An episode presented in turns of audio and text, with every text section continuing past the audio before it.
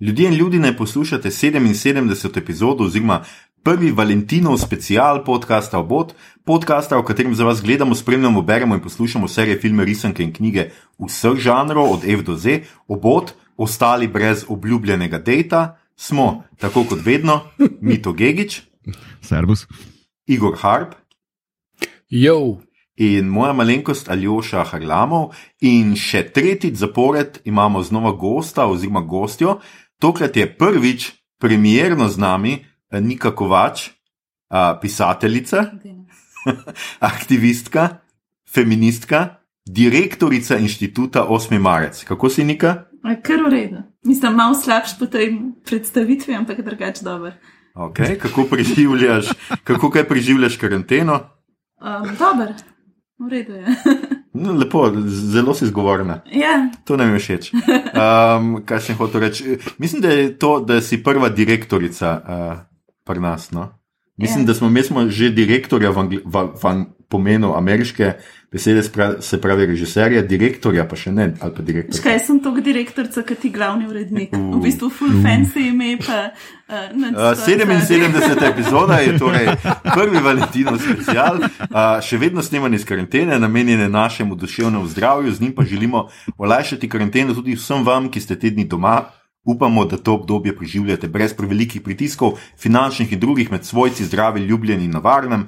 In vsekakor tole snemamo za vse tiste, ki si izolacije ne morete privoščiti, oziroma vam je kapitalizem ne privošči, pa tudi za vse pogumne in preobremenjene, premalo cenjene ljudi tam zunaj, ki se izpostavljate, da bi pomagali najšipkejšim, bolnim, pa seveda, da bi omogočili izolacijo vsem nam, ki imamo ta privilegij. Hvala vam, tega ne bomo in ne smemo pozabiti. V današnji epizodi bomo govorili o žanru romantičnih komedij, krajše rom-komih. Uh, naša naloga je bila torej, da vsak od nas izbere tri, bodi si najljubše, najbolj zanimive, najboljše, kakorkoli drugače izbrane romantične komedije, ki jih bomo predstavili našim poslušalcem, ki si jih lahko ta najbolj romantični vikend v letu ogledajo v dvoje, zaradi mene tudi v troje, ali pa tudi sami.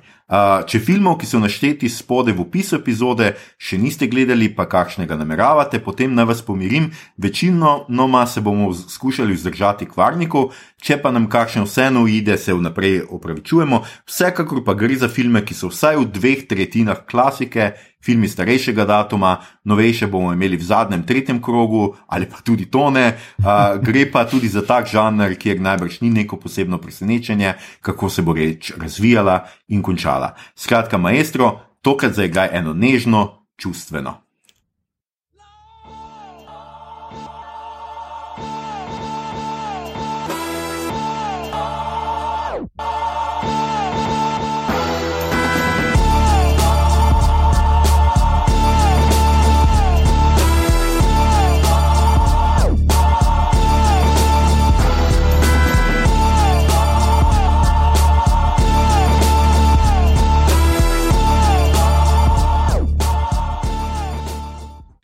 Skratka, romantične komedije so bile so naša današnja tema, ne na zadnje Valentinovo je. Um, Bodi si ste v dvoje, bodi si v troje, bodi si tudi sami, imejte se sami radi. Tudi to bo ena velika filozofija, ki jo lahko potegnemo iz teh filmov.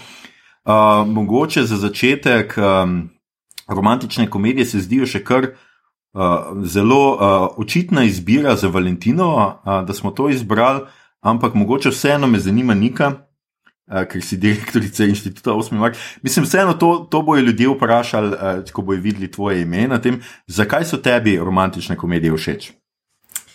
Ja, um, lahko ti dam intelektualističen odgovor ali pa resničen odgovor, zdaj se pa odloči, kaj bi rajš. Ja, mislim, da smo mi tu obot vsi za resnico, tako da. Le. Ja, mislim, tako je. Um, Meni v resnici v tem nekem norem, hektičnem svetu, k, v katerem pač uh, živim, um, mi ful pa še kdaj gledati, oziroma pogosto gledati neumne stvari, ki se srečno končajo. In mislim, da je tle pač romantična komedija en tak zelo safe bet, um, ki se vedno isto konča, vedno isto zaplete, pa uh, vse scene vmes so zelo podobno narejene.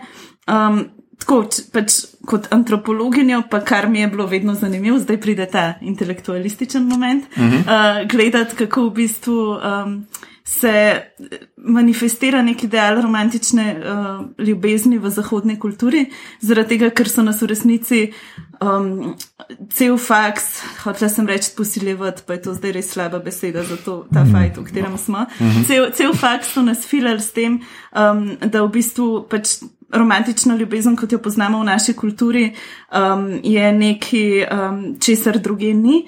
Um, in celo govorili so nam, da romantične komedije to nekako uh, reproducirajo. No? Tako da to bi bil pa ta intelektualističen, da to znanstveno opazujem in preučujem, kako se razvijajo te modeli. No, super. To... Uh, Ni zanimivo, da bi lahko to aplicirali tudi na uh, Marvelove filme. Nekaj no, no, no, zelo no, podobnega, no, kot se da no, reči. Imaš srečen konec. Da uh, neke stvari pogojujejo kot to, da en posameznik lahko spremeni svet, tole en rend uh, uh, filozofijo. Dost stvari je tukaj sporednic. Ja, se, to je bila mogoče moja, mislim. Uh, Že vprašanje, kako sem ga zastavil, uh, mislim, da jasno pokaže, da imamo do romantičnih komedij nek omalovažujoč uh, odnos, večinoma. Ne? Skratka, gre za nek žanr, ki uh, pač je predvidljiv, vsi vemo, kaj bo, vsi vemo, kaj se bo zgodilo, zato je pač češ, da naj ne bi bilo pač nekega presenečenja, zelo je klišejast. Ampak jaz mislim, da večinoma je problem ravno to, kar si zdaj dobro Igor izpostavil, da je večinoma seveda problem, da je ciljna publika za romantične komedije večinoma so kao ženske. Ne? In da mislim, da ta omalovažujoč odnos preprosto spet izhaja iz tega, ker je pač to kao čik film, uh, medtem ko gaj filmi. Superhero filmi, ne, v katere se seveda tudi vloži veliko denarja zaradi CGI-ja in vsega, pač imajo neko auro, da so to veliko bolj uh, kaj pa vem, pametni ali pa boljši filmi. Ne? Pa meni je to čisto carsko, kako vi pač res govorite o ful slabih filmih, tako zelo zanosom in ponosno. Klek, pa ste mogli zbrati vsi tri romantične komedije, pa noben v bistvu ni imel jajc zbrati, kakšne res klišejske. In, um, kako pač, da ne? Jaz sem zbral najmanj dve takšne. Ne. ne. Mogoče naslednjo leto, jaz sem pa zbral top 3, meni je top 3 kot neka svetinja, veš, sveta trojica, ki jo moraš posebej pogledati. Ne? No. Ja, jaz, jaz sem tudi izbral tiste, ki uh, imajo neko sporočilo. Sem se malo igral z idejo, da bi izbral vem, grozljivke ali kaj takega, kar samo tako pogojno bi notsilo, mm -hmm. da je mhm. romkom, ampak uh, sem se odločil, da je prav tisto, kar se je meni zdelo najboljš uh, v tem žanru, oziroma je name imelo nek uh, vpliv, ko sem gledal. Ne? In recimo, ne vem. Um, kaj že How to Lose a Guy in 10 Days z McConaughey in pa Kate Houston mi je vzbujal precej dolg časa. In ga ne bi uvrstil tu gor. Mm. Obakrat, ko sem gledal. Zanimivo, da si ga pa dvakrat gledal. No? No, moje, moje rdeče niso bile očitno blondinke. Ne? Mislim, jaz tega sicer sam nisem opazil, mislim, da je to Igor izpostavil ali mi to. Ja, ja. Igor. Ja. Ja, Igor, ampak ja, očitno so moje, moje rdeče ni blondinke. Uh, kakorkoli že, mogoče na tej točki, dajmo um, vseeno povedati, kaj sploh so, kaj je neki značilnosti žanra romantičnih komedij. Seveda mora biti romantika in seveda mora biti komično, ne to nekako uh, razumemo iz naslova. Ampak jaz sem tako si izpisal ene par stvari. Pogledal sem en video, ki ga tudi vam priporočam, če še ga niste, ker smo ga sicer že delili na družabnih omrežjih, ampak ga bomo delili tudi v zapiskih. Uh, skratka, žanr romantične komedije ima ponavadi tako uh, dokaj um, trda pravila, trdna pravila glede tega, kaj se v, do, v, v, v filmu dogaja. In sicer fant in punca, v sodobnejših tudi že zdaj fant in fant, punca, punca, se na začetku skratka srečata in potem so nekako tri možnosti, sem jaz nekako razdelil. Prvič, ali si nista všeč, sploh, ker imata drugačno okolje, drugačna zanimanja, skratka, sta si preveč nasprotna in ugotovita, da sta zaljubljena šele na koncu. Potem imamo pa dve verziji z, z tem, da ste si všeč na začetku, včasih sta tudi na začetku že skupaj, a jo loči neka zunanja ali pa notranja ovira, ponavadi je to nek nesporazum, prevara, spletka, laž, koga od njiju, to izhaja še iz Šekspira. Zato je bila mitova izbira, kot bomo videli, ena izmed treh filmov zelo zanimiva in da pridete za res ali pa znova skupaj, šele na koncu. Uh, tretja možnost pa je, da ste si zelo všeč, um, ampak uh, hkrati uh, sčasoma vsaj glavni protagonist ponavadi, lahko pa oba ugotovita, da nista prava drug za drugega in da sta že več čas zaljubljena v najboljšega prijatelja oziroma naj, drugega nekega pomembnega uh, bližnjega. Skratka, to bi bile nekako, po moje, tri variante. Um, Ugotovitev v, en, v tej prvi in zadnji je vedno nek poseben dogodek, skratka, neko razodetje, ki mu sledi tudi zelo pomembno na koncu izpoved priznanja čustev drugemu, pogost kraj izpovedi je letališče, uh, pogosto se to zgodi na poroki unga drugega in zelo pogosto je v tistem času dež.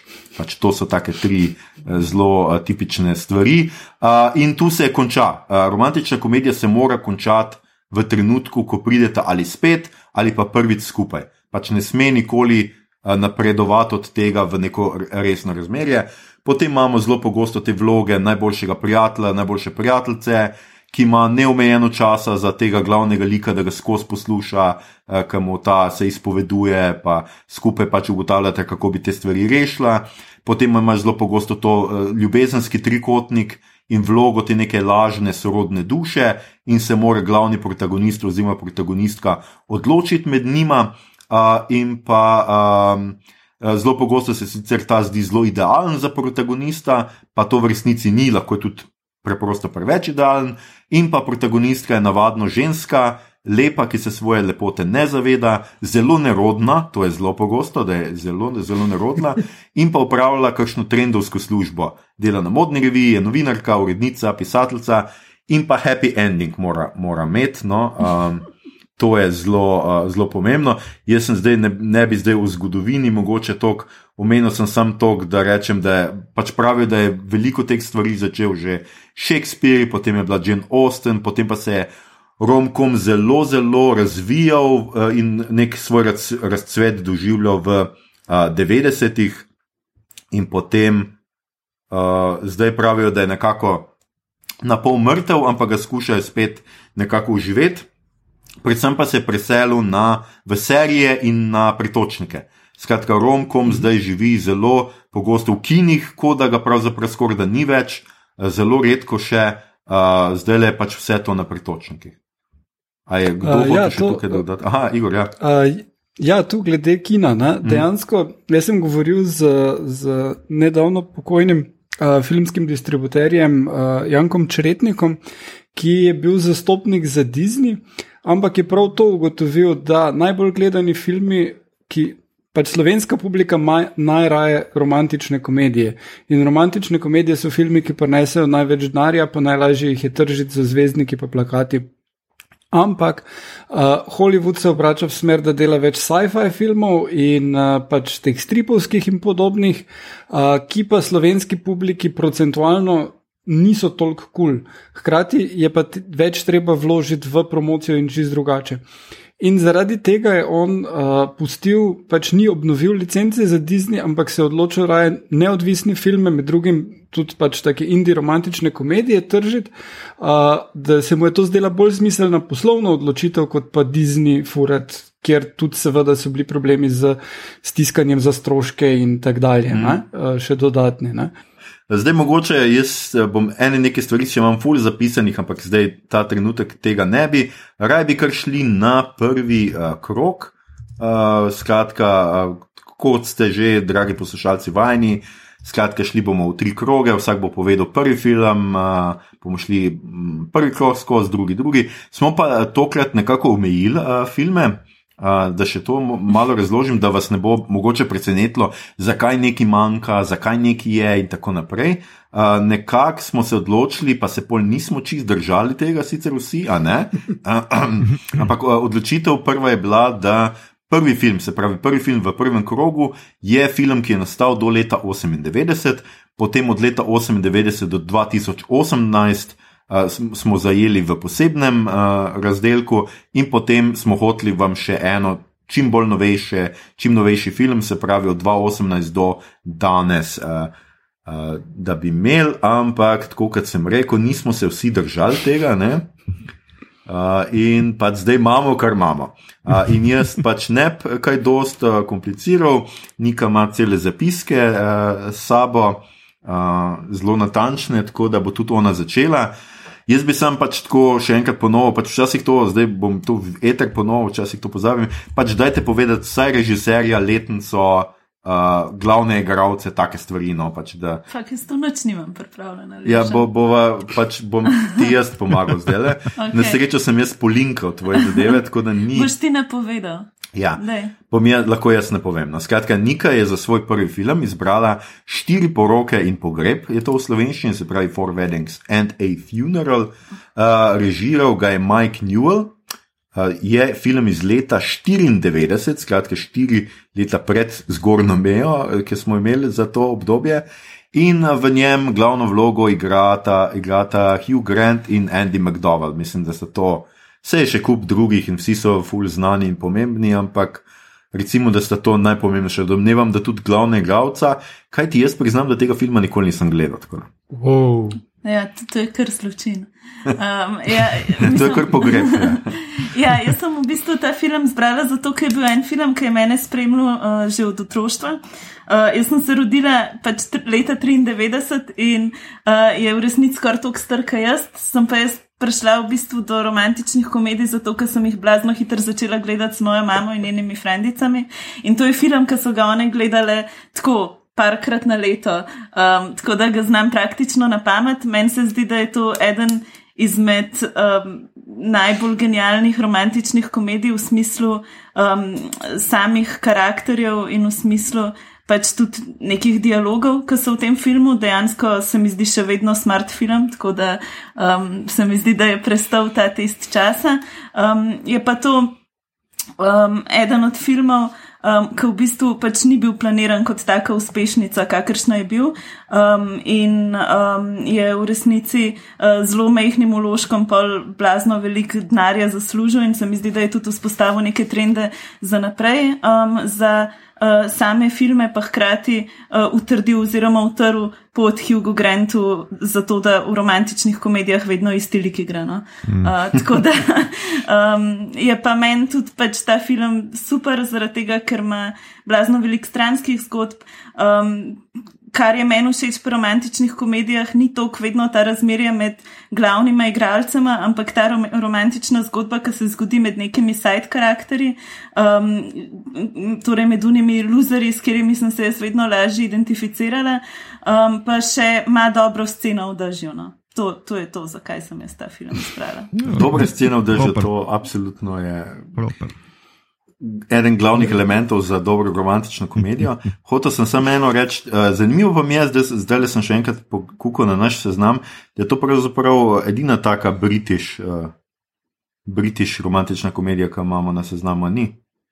So pa Britanci, mislim, s tem filmom se domnevam, da spostavil ta nek stereotip britanskega, uh, britanske romantične komedije. Ker dosti teh, uh, ko je Igor prej govoril, recimo romantične komedije so pri nas popularne tudi zato, ker je eh, romantična književnost zelo popularna pri nas. Ne? Pri nas je to najbolj popularen žanr, so tako imenovani ljubiči. In zelo veliko se jih dogaja na škotskem, oziroma v Britaniji. Pač, uh, to so in večinoma tudi včasih v preteklosti. No? Skratka, noben ni izbral nobenega filma Jane Austen, to naj vas že zdaj razočaram tiste poslušalce, ki niste čekirali seznama, preden ste začeli poslušati. Uh, tako da to je edina britanska stvar, ki jo imamo. Uh, In edini film s Hugh Grantom. Ja, uh, tvoj izbor, Aljoša, High Fidelity je po britanskem romanu in roman se dogaja v Londonu. tako da Ja. Ja, to je, sam, kaj, če se pol film dogaja v Chicagu.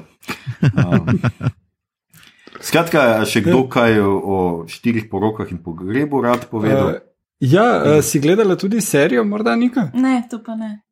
Jaz Aha, imam eno zanima- stvar s serijami, da se ful težko jih spravim gledati. No? Tako da Ja. um, sem kar nekompetenten sogovornik za to. Uh, ja, no, jaz, meni se je zdelo ful nepotrebno narediti ta film v serijo, ker pač, uh, uh, kot si omenila, je super film, ful ima dober scenarij dejansko. Ampak uh, potem sem pogledal serijo čez novoletne praznike in je zelo zabavna. Pa nima tak ful veze s filmom, uh, razen naslova, pa pač tega, da ljudje hodijo na.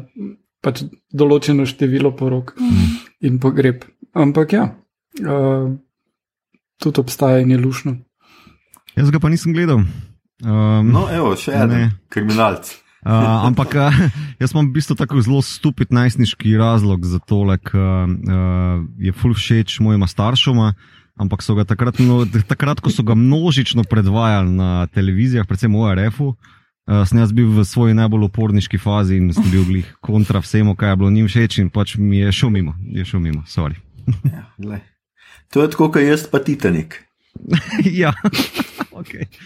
Ker sem tudi pogledal, sem, kako je DiCaprio umrl. To je edina stvar, ki sem jo gledal celo O, film. ne, spoiler. A Ja, pro, pardon, za tiste, ki niste, DiCaprio se zaljubi v ledenik in živite srečno do konca svojih dni. Tudi to je ena taka romantična komedija.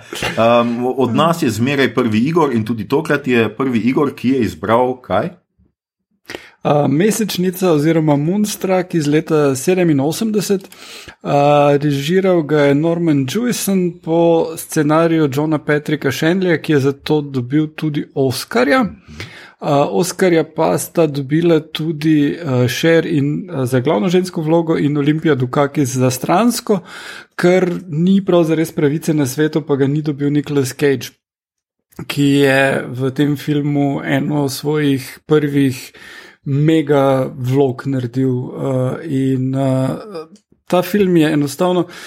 Jaz sem ga gledal, ko sem bil mlajši in je bil pač, ja, zabaven film. Potem pa ga gledaš še enkrat, ko si starejši in veš, fuk, to pa je res dobro, full dobra struktura zgodbe, full dobri scenariji, uh, full dobri liki, uh, res in. Uh, uh, Pač ni, ni trivialno, zelo so taki živi vsi. Ne?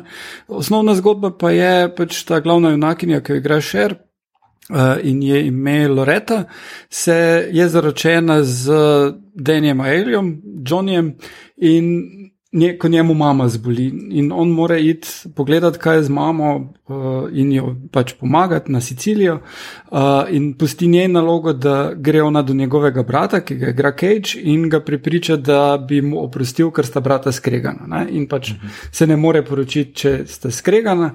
Ona se pa seveda potem zaljubi z nekom Cageem in uh, gre ta v opero. In tako res, res krasno je. Hkrati pa so še stranske zgodbe o njenih starših, o enih uh, upokojencih in pač mesečini. Um, mislim, res briljanten film. No. Poglejte ga, pa boste imeli radi cel Jaz svet. mislim, da to ni najbolj brihtna scenarij. Mislim, kater človek ima za brata Nikolasa Cagea, pošlje svojo zaročenko k njemu. To je, mislim, kar precej neverjetno. Ja.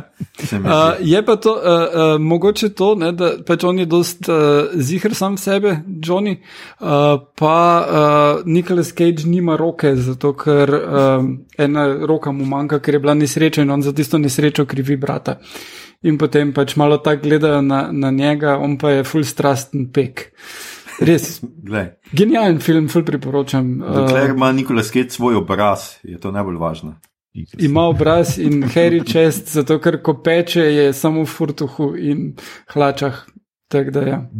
To je, se sliši zelo nehigijensko, ampak uh, dajmo uh, pre, preiti dalje. Skratka, ja, tega se jaz spomnim, tega sem tudi jaz gledal, ampak že toliko časa nazaj, da priznam, da se ga ne spomnim, kaj dost. Ampak zdaj, ki si ga Igor tako le opisal, mogoče pa spet, pa Nick Cage, je, no. z njim ne moreš. Nick Enkrat Cage, moramo narediti top 10 Nick Cage, zato ker on pa ima toliko filmov, da lahko vsak od nas Ja. deset jih zbere. On je, a veš, on je, če je Judy Dench, uh, British National Treasure, je Nicolas Cage, American National Treasure. To je No. v večjih pomenih. je Vem, ja. tudi Pa še ta film lahko pride med deset. No, Ja. ja.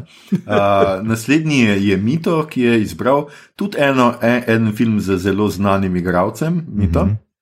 Uh, jaz sem pa izbral As Good as It Gets, torej v slovensko je bolje ne bo nikoli.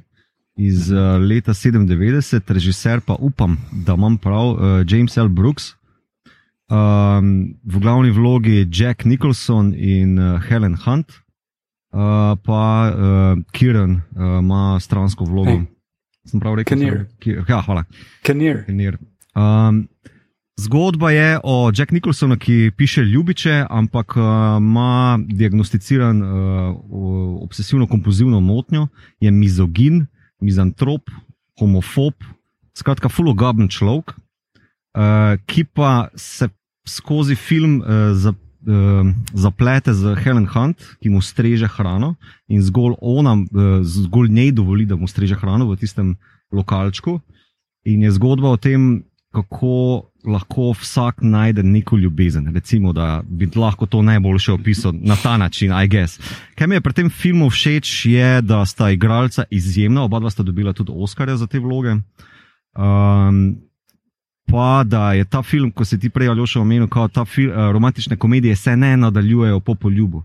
Ta film pa zgleda, kot da se je zgodil takrat, ko je realnost že šla skozi, je kot neka post poc, um, post uh, ljubezna. Veš, kaj bi temu rekel? Vsi so dali že neke tragedije skozi.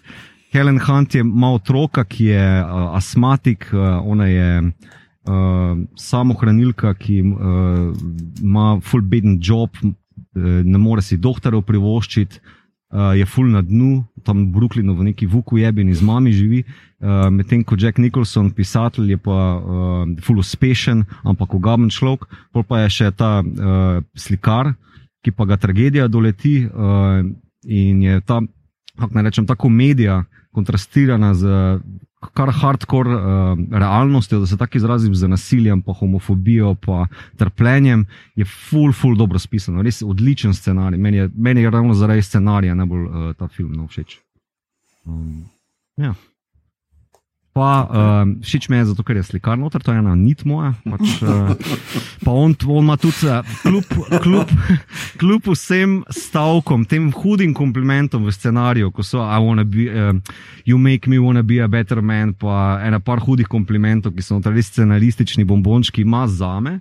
Uh, najlepši kvot, da tako rečem, uh, slikar, ki reče: uh, Če dovolj dolgo nekoga opazuješ, odkriješ njegovo človeškost. Uh, in tam je tako. Mm. Evo, hmm. Zelo sladno, hvala. Ja, hvala. Samo imamo romkome. No, to pa res le, le, lahko reče, sem slikar. To pa ni. To pa, to uh, pisatelj že ve boljš, uh, Nikolson že ve boljš, da bi rekel kaj takega.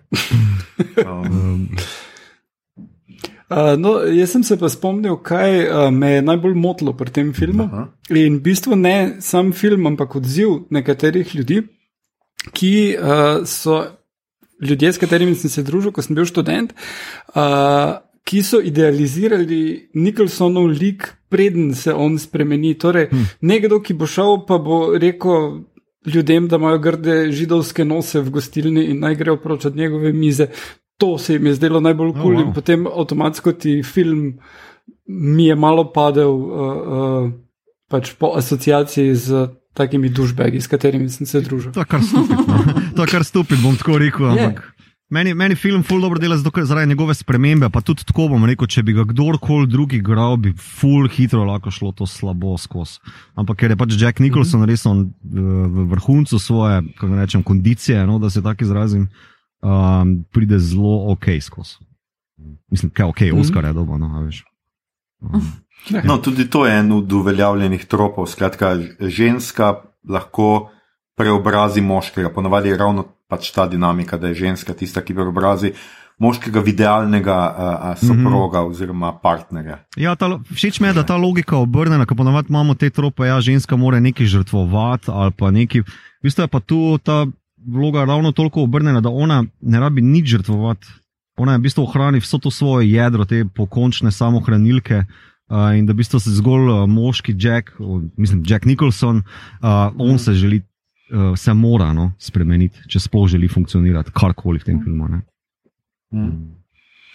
No, mm. fino. Uh, no, zdaj jaz imam nek, dokaj podobno zgodbo, ampak ne tako podobno. Uh, Um, jaz sem zbral za svoj prvi film uh, You've Got Mail, ker se mi je zdelo, da pač absolutno rabimo en, en film z tandemom Hanks in Ryan. Uh, tega je uh, pa tudi um, režirala Nora Efron uh, z pač. Uh, Taka tipična, skratka, gre za trojico, sveto trojico romantične komedije. In pa zbral sem ta film, ki se dogaja v knjigarni. Pač, to se mi je zdelo pač najbolj tako uh, fino. Uh, sem pa ga zdaj tudi prvič gledal, moram priznati, celega. Drugače sem to mogoče gledal po kakšnih delih, nikoli pa celega, zdaj sem pa ga celega pogledal. In uh, tako, pač dokaj tipična romantična komedija postavi neke standarde. Uh, Meni se zdi, da pač Tom Hanks pa Meg Ryan tako res.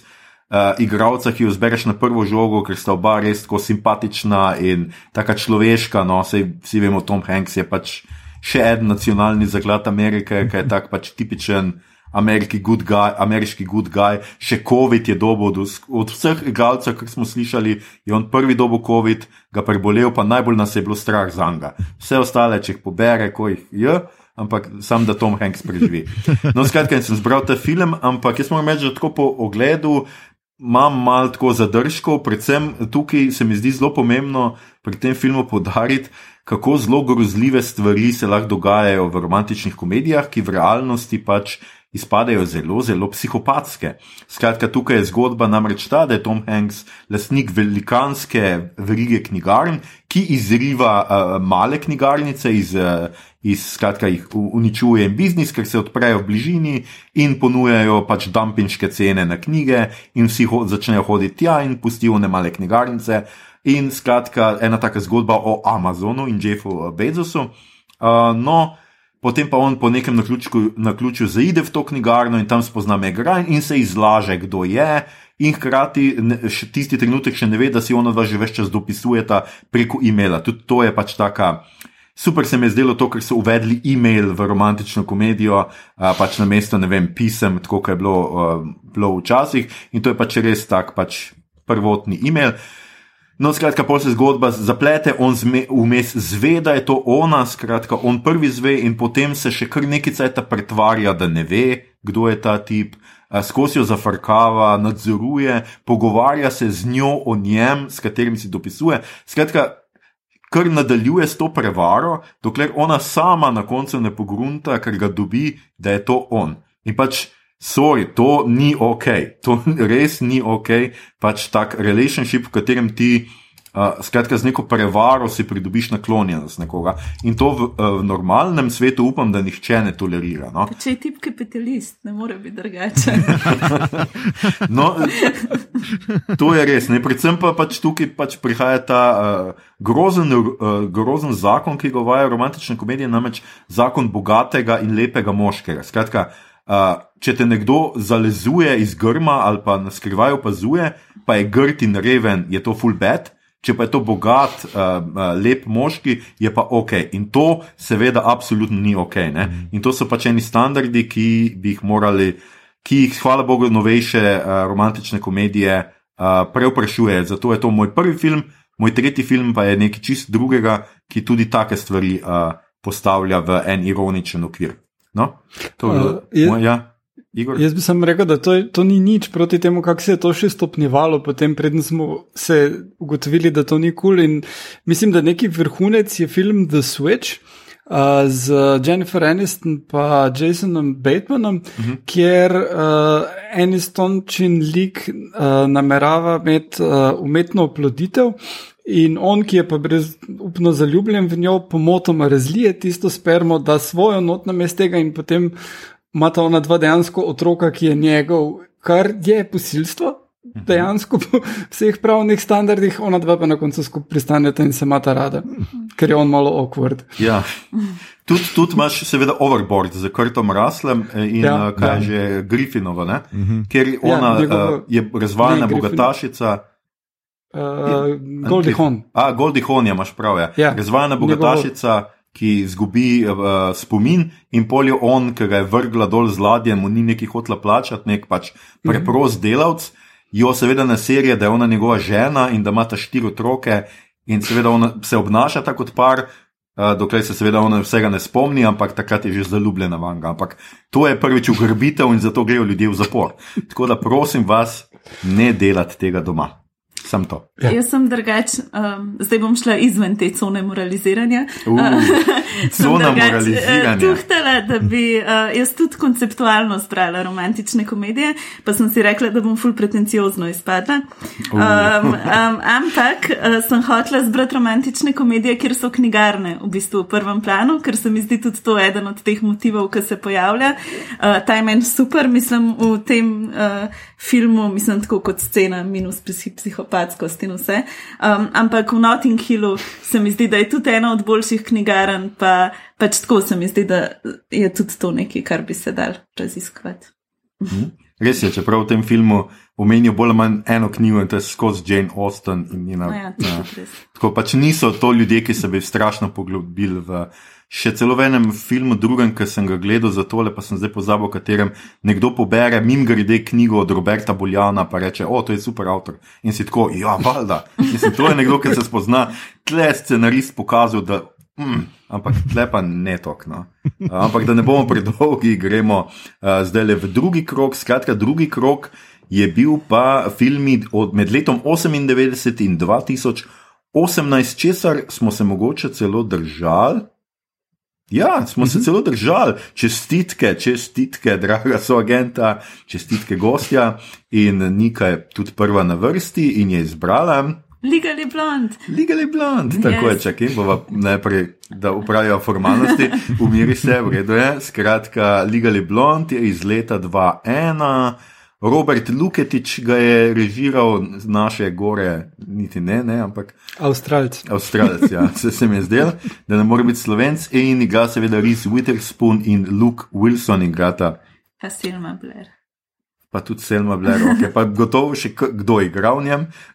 Skratka, no, Nika, povej, zakaj si izbrala blondinko z Harvarda, kot je slovenski naslov. To je res en carski film. Mislim, to je tako. Meni se zdi, da pač na najbolj genijalen način ubije neke klišeje, um, pa na najbolj genijalen način poudar to, česar se mi zdi, da do tega trenutka ni bilo, da je treba biti pameten in odločen in fajtati. Um, hkrati pa, da če si pameten in odločen in fajtaš, imaš lahko čivavo in roza cunje. Torej pač zaplet je, da uh, ris pride na Harvard, pač žal zaradi zelo šovinističnega razloga, ker je enemu idiotu v komisiji huda um, in jo pa tudi v bistvu nadleguje cel film, ampak ona to premaga znanjem, s tem, da v bistvu uh, rata taka odločena piflerka, da se druži z underdogi um, in pol na koncu tudi uh, dobi en case na sodišču, pa hkrati ima full nek ta ameriški college community vibe um, s temi sestrstvom in z vsem skupaj. Um, tako da je to res en tak uh, vesel film, ki uh, ti da pač meni vedno neko upanje in dobro voljo. In tako. tako da meni je to res carski film.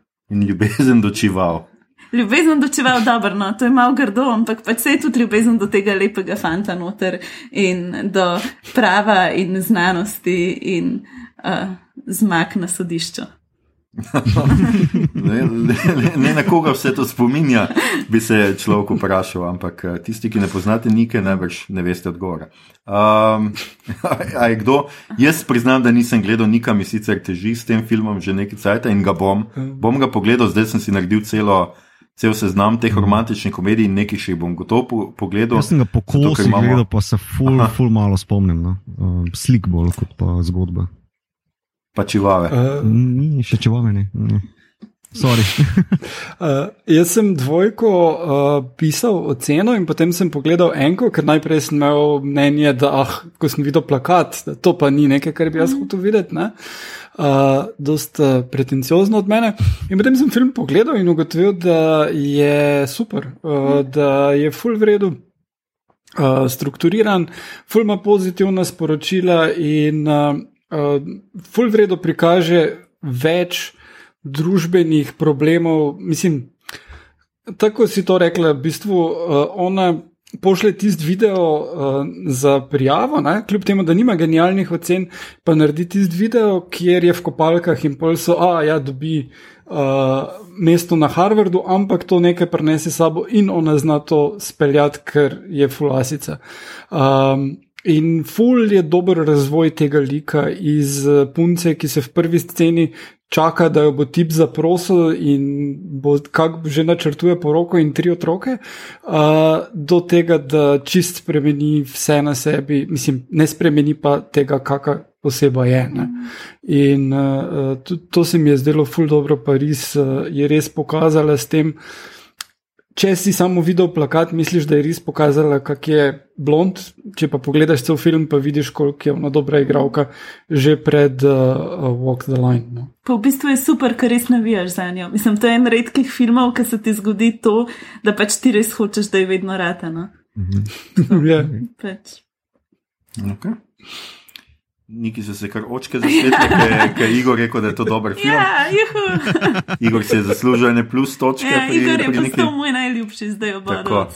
In ni več pretenciozen, za razliko od. Mitata. Ampak te, točke, ja, ampak te točke so hitro pod vprašanjem, kaj ti eh, na vrsti je Igor z svojim izborom. Igor, um, skratka, kaj si ti izbral kot svoj drugi film?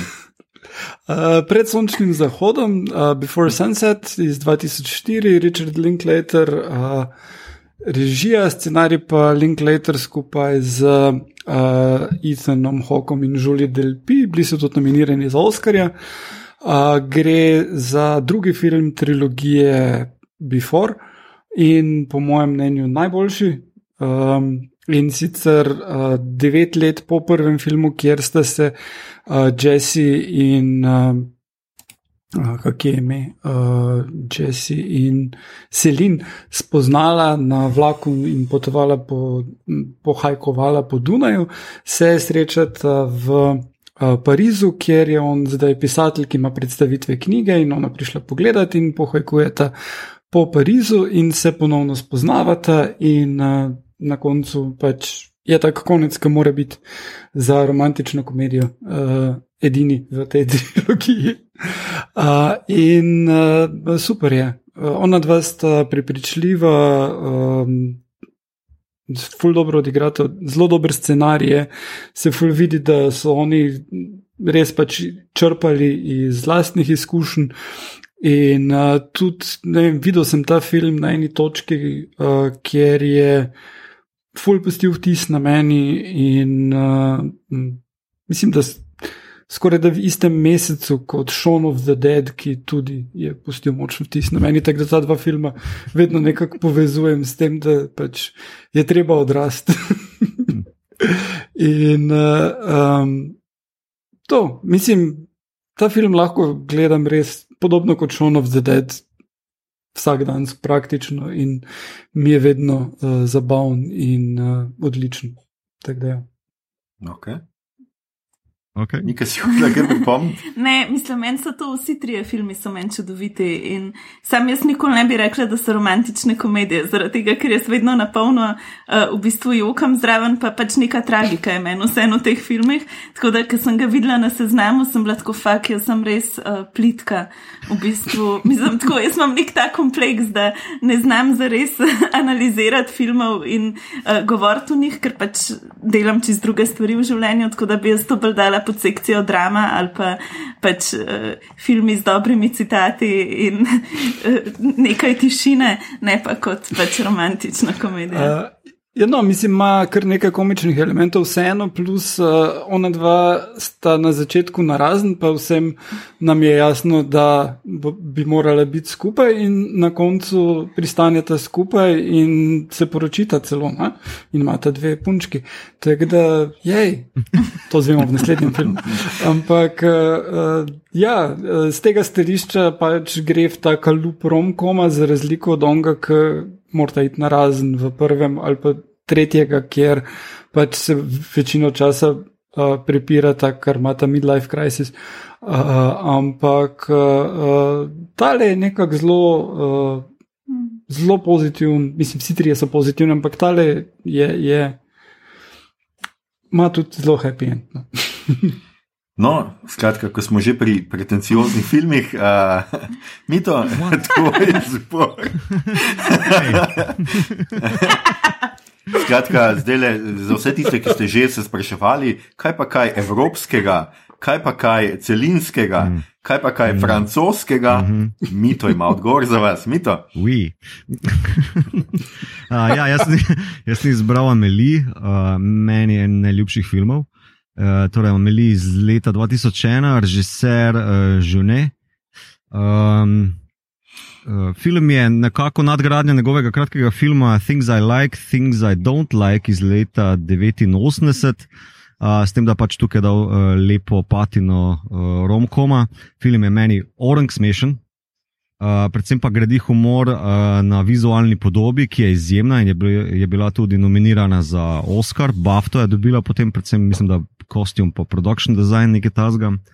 Um, Pade pa zdaj čisto v žanr, noter malo čudno, ker uh, Amelie, oziroma glavni lik, uh, spremljamo popolnoma osamljeno. To je njena rečem, te, uh, glavna značilnost tega lika je, da ima socialno fobijo. No, uh, se je bolj ali manj boji stika z ljudmi, dokler se. Po enem prigovarjanju kolega slikarja v spodnjem štuku, uh, malo odloči bolj uh, poseč v življenje drugih in je film neka vinjetni, nek vinjetni kolaž njenih posegov v življenje drugih ljudi, kako polepšati njihova življenja. In je film zelo uh, zelo zanimiv tempo, ima fulje tight, uh, montaže na vrhuncu, uh, glasba uh, Tirsena, če se ne motim, uh, je top noč. Uh, Pa dodatno potem, seveda, z temi posegi pade v uh, neko razmerje, to rečemo temu Amelijevsko razmerje, ki se vtika v enega tipa, ki je všeč in ga dreza kot nek popč na igrišču uh, dekle, uh, in ga skozi neke treasure hunte, pa um, uh, počasi, počasi uh, spravlja um, vem, v razmerje, no, da se tako zdaj. Na koncu pridete skupaj, potrkaj na vrata in je happy end. Um, ja. Ta film, mislim, za me ima še posebno to noto, uh, ki smo s Tino, ko smo bili v Parizu. Uh, na enem poročnem potovanju smo obiskali par teh punktov, Uh, kupil sem tudi tole glasbeno skrinjico z tem valčkom, na eni poroki smo predvajali ta valček, uh, obiskala vse te, ne vem, ta vrtiljak, kjer ga pošle na Treasure Hunt pod uh, uh, Sacre Curryom na Montmartru. Oh, super, super. Ne, ne bom preveč intelektualiziral, kot tega je bilo že orang povedanega, ampak um, za me ima full čustveno noto. No. O, kako lepo. Lušno. Ne vem, če ste. Tu, tu še nikaj nima kaj ciničnega. ja, samo tako lahko razorožim, se mi zdi. ja. Dobro, dobro si se to spomnil, ja. da si svojo ženo vpletel ja. v to svojo zgodbo. uh, tako bom še rekel, ena, ne vem, če to, tega še nikjer nisem zasledil, um, uh, zato tole domislico toliko bolj cenim.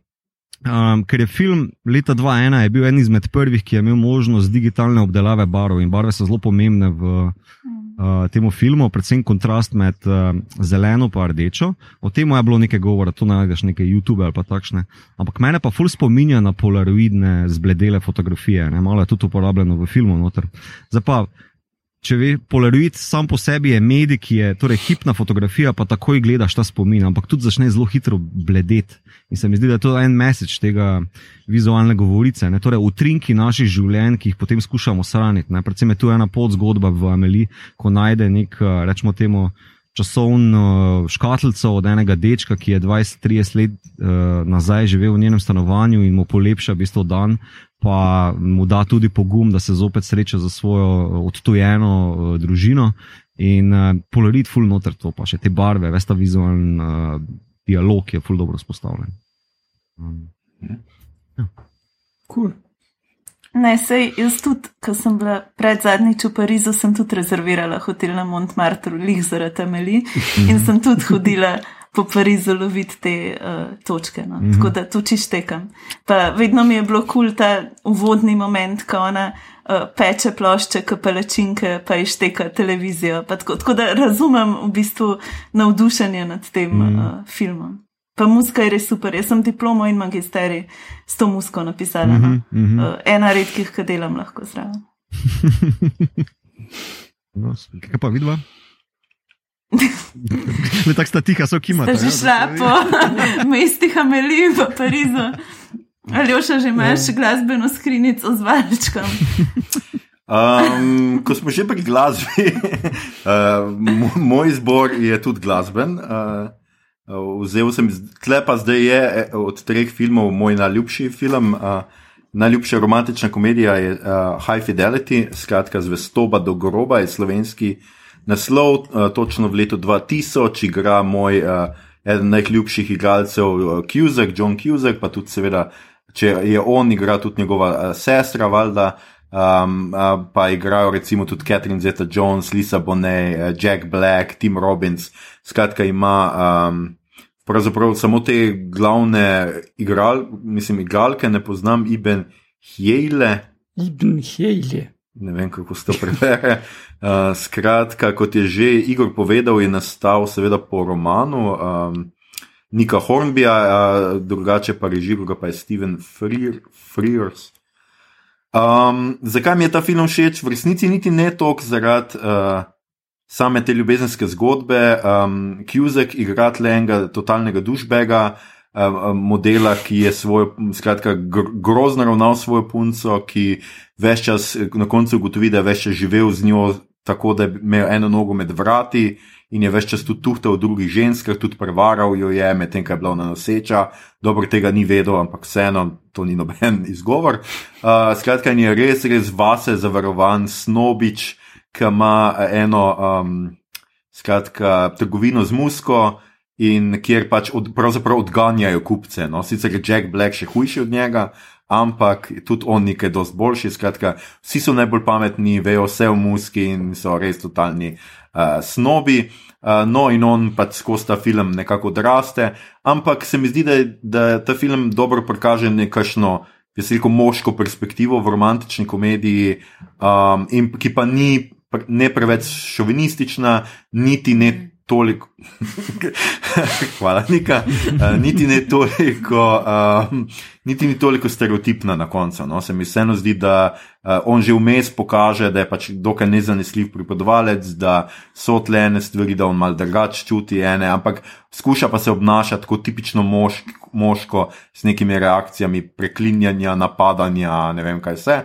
Ampak ja, meni je tudi všeč tle muska in vsi ti pogovori o muski, uh, in tukaj bo pač se mi to spomnilo, da mi nismo bili kaj dosti boljši, pač totalni dušbegi, kar se kliče muske.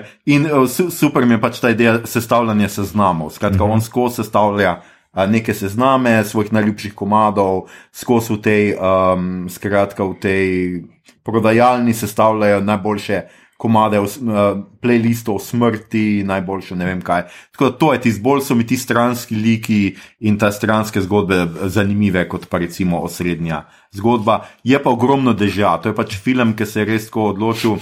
Čakaj, kaj je v romantičnih komedijah, mora biti dež in junak mora biti premočen. In on je premočen, mislim, ne petkrat uh, v tem filmu, no?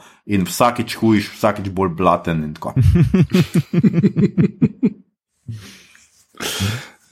Ja, meni se je tudi zelo dopadlo pri filmu, kako v kamero govori. Mm -hmm. pa, uh, ta kliše, da gre skozi. Poiskati vse svoje bivše skupaj, kaj je bilo, vse, ki so mu zlomile srce. In, uh, uh, mislim, to je tako, ta zgodba, mislim, knjiga še boljša kot film, po mojem mnenju, zelo dobro to izvede. To je tak kliše, ki, ki je full prazen, lahko in butast, Ampak eh, tale uh, štorija ga ful dobro izpelje. Hmm? Ja, meni gre pa noro na živce. Tako, v tem filmu, uh, prej sem, um, bila sem že paraljoši, kaj ta film gledal in, me, in da mi je res tako spomnila, sem se na vse razloge, zakaj mi gre ta tip tok na živce. Tako, ker govori samo sebi, mislim, da je najbolj pač, ja. uh, pomemben na svetu, vsako stvar pač overanalizira uh, in res težino. Uh, ja, tipom nam je to všeč, ker se spomnimo, mi smo tudi nekoč bili takšni, zdaj smo pa boljši. Ja, ja absolutno smo mi vsi on na koncu filma, ne, ne vmes. Ampak razen, kadar ste jezni. Ja, no, pač.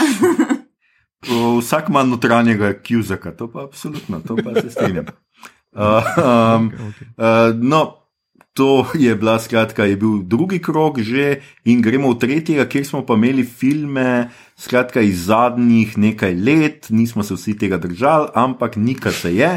In je celo izbrala nekaj zelo, zelo, zelo, zelo svežega, namreč film od lani z konca leta, uh, režirala ga je Klea Duval, uh, ki je tudi uh, prispevala k scenariju, igrajo pa um, uh, Kristen Stewart, Mackenzie Davis in uh, Alison Brie, recimo pa kaj že ta Dan Levy, ki sem ga jaz zdaj le bil na SNL, no skratka pa se mi je zdel, da sem ga zdaj tle videl na, na, na fotki. Nikakaj je to za en film, Happiest Season, no je ja. naslov, da še ne bom. Ma to v resnici na, na podlagi zgodbe, pa plotov, pa tega, kar se dogaja, je nek dost brezvezen uh, božičen film, uh, kjer imamo pač par, prvič prideta uh, v bistvu k staršem, tam pač se zgodijo razno razni zapleti, srečujemo se z bivšimi. Um, in vse, kar je pa meni v bistvu zanimiv, nek družben moment v tem filmu, pa je to, da je to prvič zelo. Um, idealiziran, pa zelo klišejski uh, lezbičen par. Torej, da prvič se srečamo v bistvu z neko LGBT vsebino, podano na zelo ta uh, pop način uh, po Hollywoodu. No? Kar se mi zdi v bistvu tako. Um, Zanimivo je iz tega momenta, da če se z romantično ljubeznijo, pa neko to hvalnico uh, intimnosti poigravamo tam od modernizacije, od 18. stoletja in takrat tudi začnemo res govoriti o tej romantiki in se spremenijo odnosi uh, v tem smislu nekega hvaljenja intimnosti, se mi zdi, da v bistvu do tega filma um, je to res veljalo v naši kulturi, predvsem za. Um, pač straight pare, ne, torej za moškega in žensko, um, in vedno so bile neke velike štorije, ki je prišlo tudi um, do teh LGBT zgodb v pač sami pop kulturi. Um, na, pod, so se vedno ukvarjali, zakaj je to, kako je to, kako je dru, to drugače. Tle se mi pa zdi, da je prvič nek poskus, ki meni se zdi, da sicer ni najboljši speljan. Tega, da je to nekaj res normalnega in da je to v bistvu nekaj v družbi um, prisotnega. No? Taka zmaga identitetnih politik, ki pa po mojem mnenju nima nobenega nekega emancipatornega naboja, se mi je pa zdelo v resnici pač zanimivo to videti uh, promovirano kot enega največjih teh božičnih romantičnih filmov zadnjega časa. Mhm. Mhm. Mislim, da tega noben od nas ni ujel. Igor, ne, ne, ne, vse razlagal. Ja, Igor, ja, ja. Igor, vse gledal, jaz sploh to nekaj ugibam. Ja, Igor. Kako se ti zdi? Sem omenjal na, na, na podkastu tudi. Ja, Vidim, možno. koliko me poslušaš. Ja. Prosti, jaz takrat neke druge stvari že delam. uh, ja, ja lušen film je, ampak zdaj spet nič posebnega ni. Uh, so pa komične scene zelo dobro izpeljane. No. Tale komedija, uh, ko imaš uh, pač ko se en kup ljudi na grmadi, pa se pol stepejo, pa to vse skupaj, v skrajnem primeru je to dost uh, smart narejeno. In, uh, ampak ja, na izi božičen film je, ni, ni zdaj nek presežek. Uh, je pa presežek v tem, kako lahkotno prikaže njuno razmerje. Ker recimo, če gledaš, da, da je bil prelomen film uh, Streets of Philadelphia, kjer si imel uh, Hanksa kot gega, On se niti v eni sceni tam ne poljubi z mm. svojim fantom, ki ga igra, mislim, da Andy Gers, ne Antonijo Banderas, uh, ampak samo ma, malo gre mimo. Ne? Vseeno si imel gej osebo v, v glavni vlogi, ampak ni smel biti gej, dejansko. In uh, to se je spremenilo najprej skozi stranske like, uh, in potem tudi uh, tukaj skozi glavne. In to se mi zdi, da je vredno prikaz nekega družbenega uh, napredka, je pa tako, da filmi reflektirajo realnost, ne, ni da jo spreminjajo, ne, kar se mm. tega tiče tukaj. Ne. Ja, je pa to definitivno poteza pač novih romkomov. Ena izmed njih, seveda, to, da liki, ki so bili prej stranski liki, zdaj prihajajo nekako v spredje. Ne? Ker ti gay best friend je neka tudi tipičen trop za recimo romantične Tud, komedije. Ne? Mimo grede je tudi tu not, ona ima, uh, ker sem Stewart, ima gay best frienda, ki ga igra ravno tale uh, ja. Dan Levi. Levi ja. In uh, je stereotipen gay best friend, ampak ga zelo prepričljivo in zabavno odigra. Se pa vidi v bistvu, kako so se potrudili v filmu, da so vsi zelo idealizirani, v tem smislu zelo pravilni. Uh, tako pač nek ta um, prevladujoč tip ženske, samo da ima pač punca, obe dve sta blazno lepi, uh, pač ustrezata vsem nekim stereotipom, kakšna naj bi ženska bila, samo pač, da sta druga z drugo. No. Ni, um, ni, ni tega momenta stranskih likov v njiju, da bi bile pač kar, na kakršen koli način malo odklonski. No. Ja, no, pač, mogoče so vampiri takrat za božič spijo, pa ne morejo priti na večerje. Ne razumem šale. Ja. Twilight.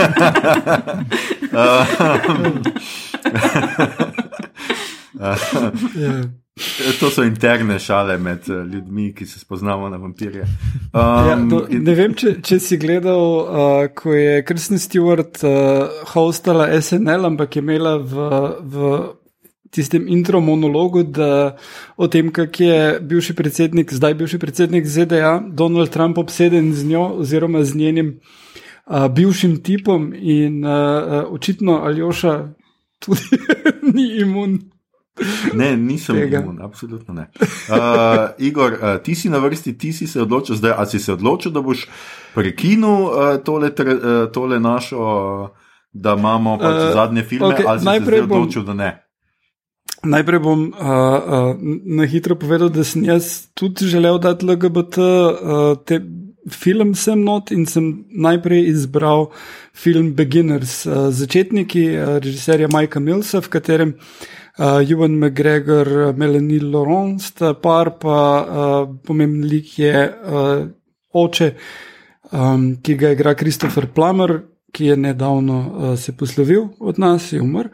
Um, in on je dobil Oscarja za to vlogo, ki igra tipa, ki po ženini smrti uh, pove sinu, da je gej in da zdaj bi rad bil tudi. Um, Ne samo v teoriji, gej, ampak prav zares. Uh, film ima nekaj komičnih elementov, ampak je drama, ne morem ga tu noč tlačiti. Uh, in potem sem hotel vseeno obdržati plamerja in dati uh, moje pesmi, moje sanje, ki so prvo polovico, dobro polovico filma, tudi romantična komedija, ki potem se nadaljuje v Antifa, uh, Wet Dream. Uh, in, uh, ampak bomo kdaj drugič imeli posebej epizodo posvečeno moje pesmi, moje sanje, ker je genijalen film, tudi najljubši film moje babice. Uh, To se sliši in, fino, bomo uh, absolutno to poskušali.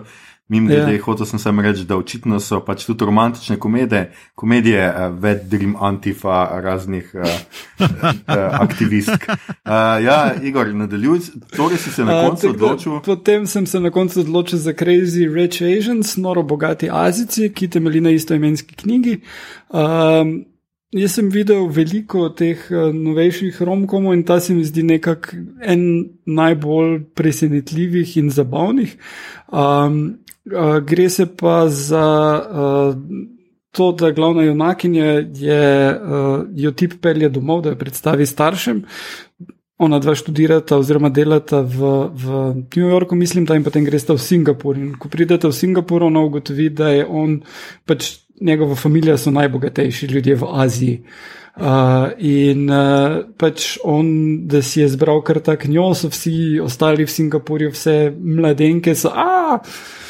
In uh, uh, potem je tam en kup nekega ekscesa in zelo dobre uh, komedije. Uh, med drugim se pojavi v filmu tudi uh, Ken Jeong, uh, ki uh, ima družino, otroke in pita otroke s chicken McNuggets in reče, uh, ko pokaže tole glavno enakinjo, gledaj, no, kak je suha, američani, otroci v Ameriki nimajo nič za jesti, vi pa boste tu puščali te chicken McNuggets na krožniku, a hočeš biti tak schiren kot ona. Ne? Um, zdaj, uh, film je bil mednarodna, uh, full uspešnica, uh, predvsem zato, ker uh, ne vem, če pač Hollywood ni glih da opazi to, ampak kar dost Azicev je na tem planetu. Uh, in uh, full radi gledajo filme z Azici v glavnih vlogah. In, uh, Čudno. Ja, uh, to je po letu 94, mislim, da prvi film, kjer, so, kjer je večinoma azijska zasedba. Uh, predtem je bil Joy Luck Club, ki isto temelji na veliki literarni uspešnici. Ne? To tako prav, če hočeš imeti film z Azici, mora biti res dober razlog za to, ker mora biti knjiga o tem, ki so jo že vsi prebrali, očitno. Um, Zdaj, uh, uh, sploh je zabaven poleg Džonga, lik, ki ga igra tale um, Aquafina, kako mislim, da sem to prav izgovoril, ki mm. je res kul cool in insane, ono bolijo. Ona dela čist po svoje, drugače pa glavne vloge pa ima ta Constance Wu pa Henry Golding, režiral je pa John M. Chu, ki uh, je, mislim, da odgovoren za Star Trek, ne, za G.I. Joe film, za ta dober G.I. Joe film. Uh, in, Obstaja uh, dober G.I. Joe uh, film. Ja, dvojka. Da. um, mislim, da to je ene osnove razlage. Um, skratka, uh, ta film je, je prišel v spredje zaradi reprezentacije uh, Azicev, ampak dejansko na celi črti deluje kot romantična komedija, mislim, kot komedija, predvsem in uh, zelo nasmeje. Ja, to priporočam. Okay. Jaz priznam, da še ga tudi, tudi nisem uspel pogledati. Mm, jaz sem gledala. Uh, meni je tudi super ta moment nore tašče in v bistvu teh uh, družinskih scen, kar se mi zdi. Okay. Mislim, da je ena taka na Netflixu. Ja, um, se, mi mhm. zdi, ja, ja, mm -hmm. se mi zdi ena redkih teh romantičnih komedij, ki je v zadnjem času prišla uh, gor, pa je blazno gledljiva. No, mm. no fino. Um, naslednji je Mito. Ki je izbral en film, ki pa ne ustreza čisto, ampak za mišo dlako. Ja. Ne, ne ustreza.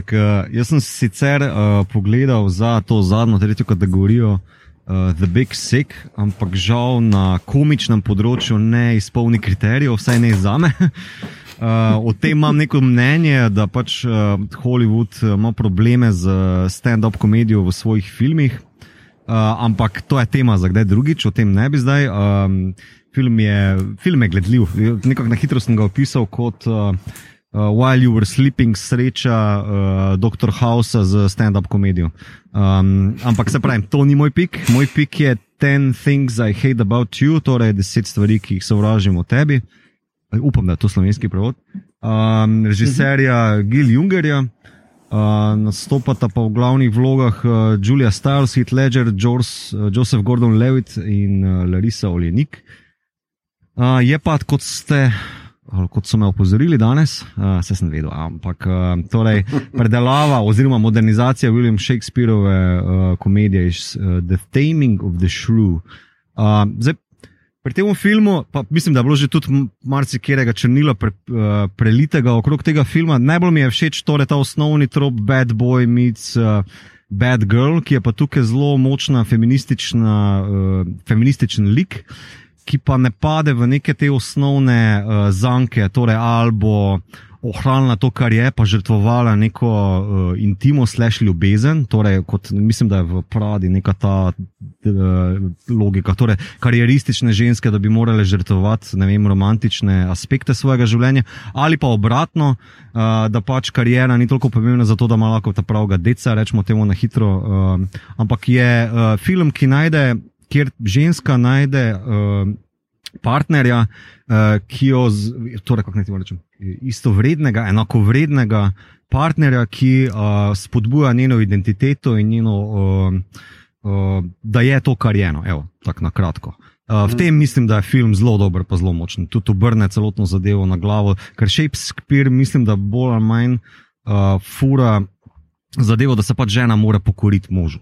Ne? Tukaj pa je bolj uh, na glavo, mislim, uh, obrnjeno na drugo. Ja. Pa v tem filmu pol ni slikarja. Ne, žal ne. ne. Imel sem eno rezervo, uh, Words and Images, uh, ampak tiste bolj drama, pa bolj poš, kjer se grejo. Clive Owen je profesor literature na pol pijanc, pa uh, ne Izabela Rozalini, ampak Juliet Binoš, je pa slikarka, eh, oba sta profesorja, uh, ampak žal ga nisem otegnil, pa tudi koliko sem ocene bral, ni baš neki, mogoče malo preveč haj bral ali pa tako, ampak tisto moram pogledati, da bi potem z, mogoče enkrat naknadno zapolnil svojo. Uh, Tega pa se jaz spomnim, tega sem jaz gledal, ker je enkrat po TV-u, mm -hmm. nisem mi to dopadal, čeprav je Clive. Mm -hmm. No, ta film, Ten Things I Hate About You, je, mislim, koliko jaz poznam pod žanre romantične komedije, je to high school uh, uh, uh, kontekst. Uh, smešno je, ker je v full sončni film, kljub temu, da se dogaja v Seattlu, ker ščije non-stop. Um, po mojem so tu leta 99 želeli jahati, če tale post-grunžovski neki val. Muske je malo more noter od nekih indie bendov, a vsi bendi so ženski bendi, kar poudarja to temo, ki sem jo prej omenil.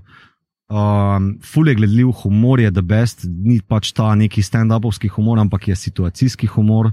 Uh, predvsem, ne vem, ker je tako minoren lik, ampak tako dobro dela ravnateljica, ki jo igra, uh, mm -hmm. čakaj pozornost um, fucking Oscarjev, okay. ne, nima veze. Ravnateljica, ki je full permisivna, nobenega na okara, vmes pa piše ljubiče in pobira v bistvu uh, samo bolj, rečemo temu, highbrow izraze za moško spolovilo od uh, študentov. Uh, full the best humor. Uh, pa, pogledam ga mogoče enkrat na tri leta, pa še vedno zdrži full dobro. No. Um, no, okay. ja. uh, meni je najboljši levitev lik. Uh -huh. Ful mi je carski. Mislim, vem, da je pač glavni onak, je, je, je cool, je, je zelo kul, cool, pa, pa Ledger je itak. Ampak eh, tale lik, ki ga Levit tukaj ima, tega uh, loserja, je, je super. Ne bi niti rekel, da je loser. On v bistvu ima neko. No, na začetku. Ne bom rekel agendo, ne, ampak. Uh, uh, se kar je motiviran, da nekaj naredi. Ne? On gre, uh, on prebija socialne kroge, veš ta ameriški bullshit, uh, ki se ga furajo. To, mm. to mhm. mi je všeč, ker je tak neki. Uh, hiter portret teh ameriških uh, idiotizmov, pa klišejev, ki se jih grejo na uh, srednjih šolah, popularnost, pa ta lepši, pa ne vem, kje je klubi, pa imaš luzerje, pa gike, pa borznike, pa ne vem, kaj še vse.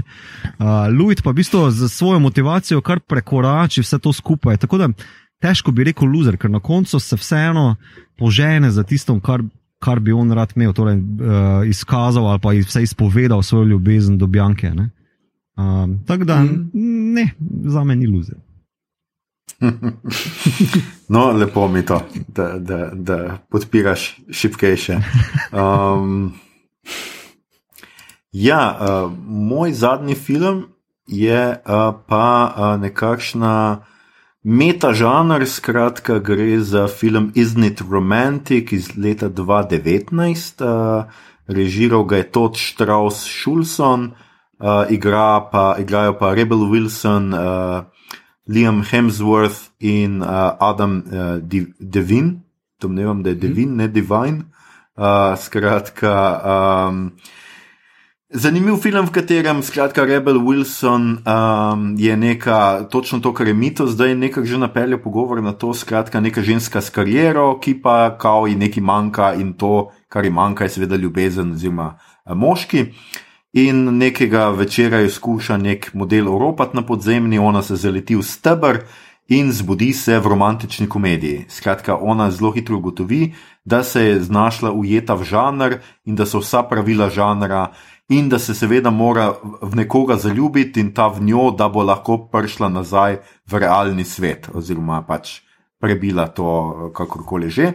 In pač potem se dogajajo tako zanimive in zabavne reči, komentarji na žanr, da je seveda njen sosed nenadoma postane stereotipen gay best friend. Uh, in je skozi v njenem stanovanju, tisti trenutek, ko ga rabi, se obrne in je tip tam. Um, seveda ima naenkrat njena, ta njena najboljša prijateljica v službi, sodelavka, oziroma njena podrejena, postane njena uh, rivalka naenkrat iz čistega, pač zato, ker tako mora biti v romantičnih komedijah. In pa, uh, ko, seksa, ko se končno vda, da bo pač nekaj potegnila z tega, in seksa pač z bratom uh, od Thora, se seveda izkaže, da zmeraj pride samo do tega, da se začnete slačiti, potem pa se že zbudi v posteli. Oh, in uh, nikakor trikrat poskusi, pa se zmer pač uh, zbudi v posteli in ne morete pač seksati. No? Uh, ker pač romantične komedije, seveda, akta večinoma ne kažejo v tej, uh, v tej neki zelo romantizirani različici. In uh, ne vem, pač meni se je zdel, meni je uh, Rebel Wilson ni tako zelo zabavna uh, mladenka.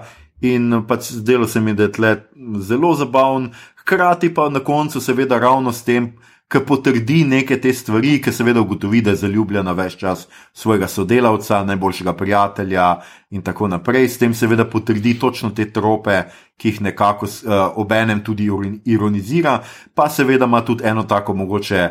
Osebnostno sporočilo, da ugotovi, da pa vseeno rešitev je bolj v tem, da mora ona spoznati, da ima rada sebe in da si je všeč taka, kot je in pač uh, imamo pač tudi to. In pa notor je skratka sjajna plesna in uh, glasbena točka, na kar sem jaz pač vedno mal uh, mehek, tako da uh, mi je tudi to bilo zelo, všeč. Ker seveda ugotovi, da naenkrat vsi znajo koreografijo Aha, tega ja, njenega plesa uh, v, v baru, ker tako se pač zgodi. Um, it is known. ja, it is known. Ja. In je taka pač dekonstrukcija samega žanra, zaradi česar se je pač meni uh, film zelo dopadel in sem ga izbral mm. kot tretjega. In ne Palm Springsa, kateremu me je Igor uh, več čas nagovarjal, bom pa ga pogledal uh, uh, v kratkem, uh, sem si obljubil in obljubil Igorju. Um, skratka, to bi bilo uh, od nas vse, to so bile top tri romantične komedije od nas. Kot vidite, smo zbirali po različnih kriterijih, od pojavnosti blondink do slikarjev in uh, uh, spominov na medene tedne, uh, pa do ljube, ljubezni do čival in roza oblačil. Um, Če boste tole poslušali, pa se vam zdi, da imate svojo boljšo lestvico top 3 uh, romantičnih komedij, ki ustrezajo tem uh, časovnim conam, mhm to moramo podariti, naj ustreza časovnim conam. Nam seveda to javite na Twitterju, Facebooku, kjerkoli pač uh, že. Je pa to prvi Valentinov special, tako da lepo prosim, bomo še delali kakšnega. Bomo gotovo imeli kakšen fokus eh, v naslednjih, lahko vse filme s Tomom Hanksom, vse filme, z, uh, ki se dogajajo v Dežju, mm ja, karkoli, Cageem, ja, the best. Uh, definitivno je on romantična komedija, cela njegova karijera, um, ker vsi ga za začetku sovražimo, dokler ga na koncu ne vzljubimo. Uh, in uh, prišli smo do uh, še ene stvari, ki sem jaz za začetku sovražil, pa sem jo zdaj vzljubil, Star Trek. Mi to si kaj pripravi za Star Trek, kot ti če imaš kakšno Valentinovo epizodo. Vem, ampak ni, ni Valentinovo, vse jaz se ne najdem, um, ker da bi ustrezalo zdaj Rom komu ali pa vse približno mm. temu, nisem našel, imaš v bistvu ljubezenske zgodbe, ampak ponovadi so nekako izražene ali v dolgih, dolgih lokih. Um, in bi mhm. težko mm. rekel, da je full komedija, noter Star Trek, vsaj uh, 90s, drugi val Star Treka, nima tega tako uh, pogosto izraženega. Um, da bi po posa, posamični deli pa so bolj koncentrirani na konflikt. Da, uh, če pa ima Igor kaj? Nekaj? Igor? Ja, ja, ja. Uh, Eden je, ki nekaterim delom romkoma zadosti uh, in sicer Threshold, uh, druga sezona, 15. epizoda uh, TNG, uh, kjer Paris uh, ugrabi Janeway in ima ta potomce in potem se vsi pretvarjajo, da se to ni zgodilo. Ja, dajmo se še. Uh, ki so hudo evolvirani.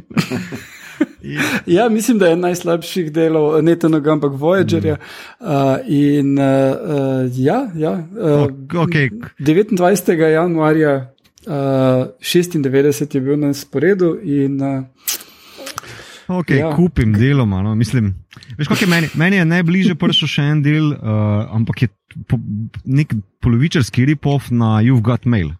Um, naslov je tudi Voyager 1159, uh, je pa zgodba, kjer Catherine, torej Captain Janeway, govori o svoji prednici, ki se v ne vem, kje že, St. Louisu ali nekje, Um, torej, njena prednica pride v St. Louis in pač v enem mrazu se zateče v najbližjo knjigarno, kjer ji pač lasnik ponudi pač vroč čaj, pa ne vem, kva še vse knjige, seveda. Ne.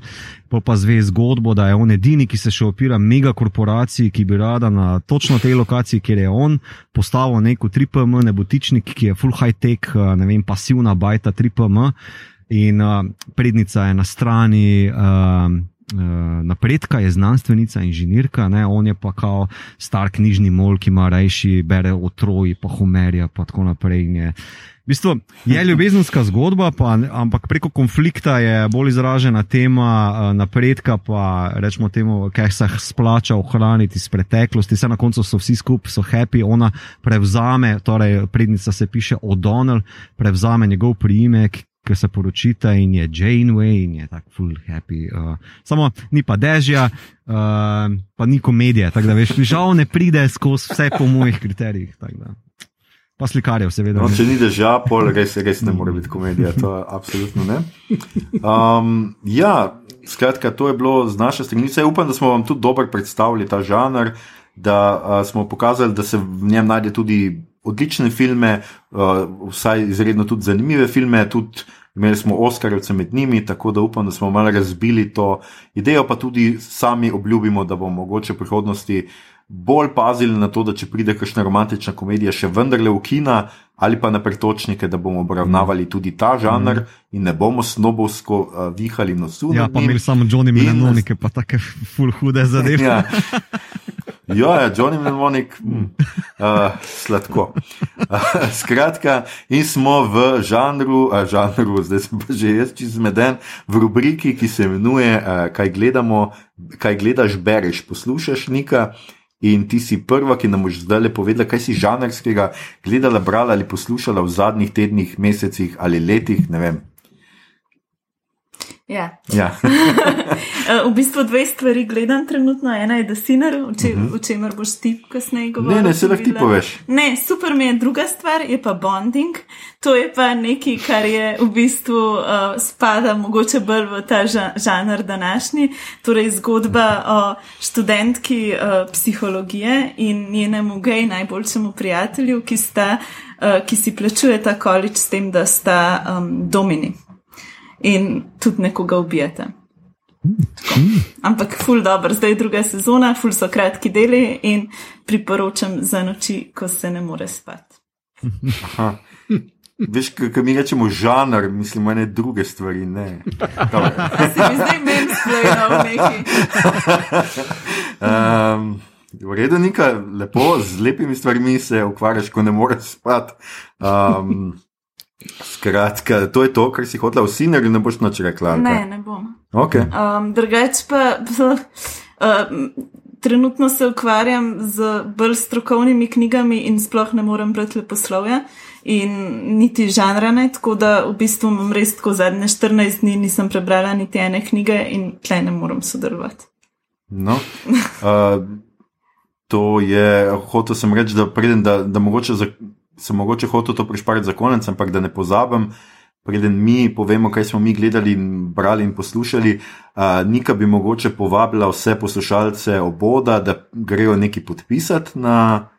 Na upravne enote, če želiš, lahko izkoristiš to priložnost. Ja, mislim, v inštitutu smo zagnali uh, eno kampanjo oziroma akcijo in sicer zbiramo podpise uh, za redefinicijo kaznivega dejanja posilstva, zaradi tega, ker imamo trenutno full slab zakon, v katerem pač mora žrtev na sodišču dokazati, da se je opirala silo in full teh kajsov sploh ne pride na sodišče, zaradi tega, ker ta opis sile um, ni dovolj ekspliciten oziroma pač se tužilci odločijo, da pač se ni dovolj opirala. Um, tako da mi želimo to spremeniti. Uh, napisali smo nov zakon in od srede naprej uh, lahko dodate podpis za zakon na upravno enoto. No, tako je. Če boste malo premislili o žanrskih pravilih romantičnih komedij, malo v njih razmišljali tudi v, na način, kakršnega smo mi, malo prepraševali, kakšne stereotipe ali pa klišeje. Uh, boste eno dobro stvar naredili, če boste pa tukaj podali svoj podpis, boste pa naredili še eno dobro stvar za uh, večjo enakost med uh, spoli. In, uh, Mislim, predvsem proti posilstvom. No, no seveda, predvsem proti posilstvom in uh, spolnemu uh, nasilju. Nasploh, um, in smo, uh, zdaj ta segway je skoraj ne mogoče narediti, ampak, uh, Igor, ti si na vrsti, ti si pogledal dva zelo zanimiva filma, enega uh, ja, zelo še... starega, enega zelo novega, ki sta pa povezana. Še predtem pa imam vprašanje še za Niko, um, če tudi pišeš kaj, uh, ker imam tvojo knjigo, uh, ki je super, uh, pa uh, me zanima, če bo še kakšen. Ja, v bistvu uh, nekaj bi mogla Ljuši oddati do konca marca, pa ne bom. Uh. Um, um, ampak drugač pa prva stvar, ki bo zdaj uh, končana, je pa knjiga uh, Pisma tebi, ki je spet za mulce uh, in v bistvu um, je v njej uh, 20 pisem, ki razkrivajo laži, ki nam jih povejo starši. Nastala je pa tako, da sem hodila po osnovnih šolah in se pogovarjala z uh, otroci, pač kaj so največje laži, laži ki jim jih je nekdo rekel. In pol pisala odgovore na nje. Moja najljubša laž je en fant, ki je rekel: Meni so vedno govorili, da me punca ne more prebutati, in je pokazal na sošolko in rekel: To ni res. No, tudi jaz vem tole, ker se družim s tabo nekaj. Uh, um, Hotel sem reči, no, zdaj sem pa našel segway do Igorja. Uh, namreč uh, ena največjih leži, ki nam jih starši povejo, seveda to, da je njihov najljubši film Državljan Kane, ker marsikdo ga niti videl, ni nikoli. Igor, ti si ga pa zdaj spet pogledal, domnevam, da ni to prvič, ja, kar si gledal ja. Citizen Kane. Uh, ja, mislim, jaz sem filmski kritik uh, in v tem društvu Fipreši in mislim, da te kar vam vrže, če nisi gledal Kane. Ja. Tako da to, pa, pa Godarja, pa enih par takih stvari, mislim, da so osnova, ki jih pač moraš gledati, če hočeš sam sebi reči filmski kritik. Seveda še milijon drugih filmov, ampak um, to, to pač je basic. Zdaj, uh, jaz gledam filme, ki bodo najverjetneje nominirani za Oscar, oziroma so nominirani za druge nagrade, in v sklopu tega sem se spravil gledati Menka, ki je na Netflixu. Menk je o tem, kako je nastajal scenarij za državljana Kejna, tako da sem predtem pogledal državljana Kejna ponovno in ugotovil, da uh, ja, brez dvoma to je moj strovina, najboljših filmov vseh časov. Um, krasno je skup zložen, zgodba teče, monumentalni je, veličasten, vizualno je super. Um, res gre za, za odličen film in potem sem pogledal Menka in sem ugotovil, da ni. Ne? Mislim, vse ni slab, ampak kako se daješ v isto ligo z državljanom Kaneom, moraš malo mm. up your game. In David Fincher je posnel ogromno dobrih filmov, in uh, ta ni med njimi, ima full vredno elemente, ker se, uh, so neki callbacks na, na uh, Kane. Uh, Pri tem, kako scene postavi, kako zgodbo podaja, ampak uh, na koncu ni niti približno toliko uh, satisfying uh, užitek tega filma gledati, ne dati toliko, niti pol toliko kot Kane.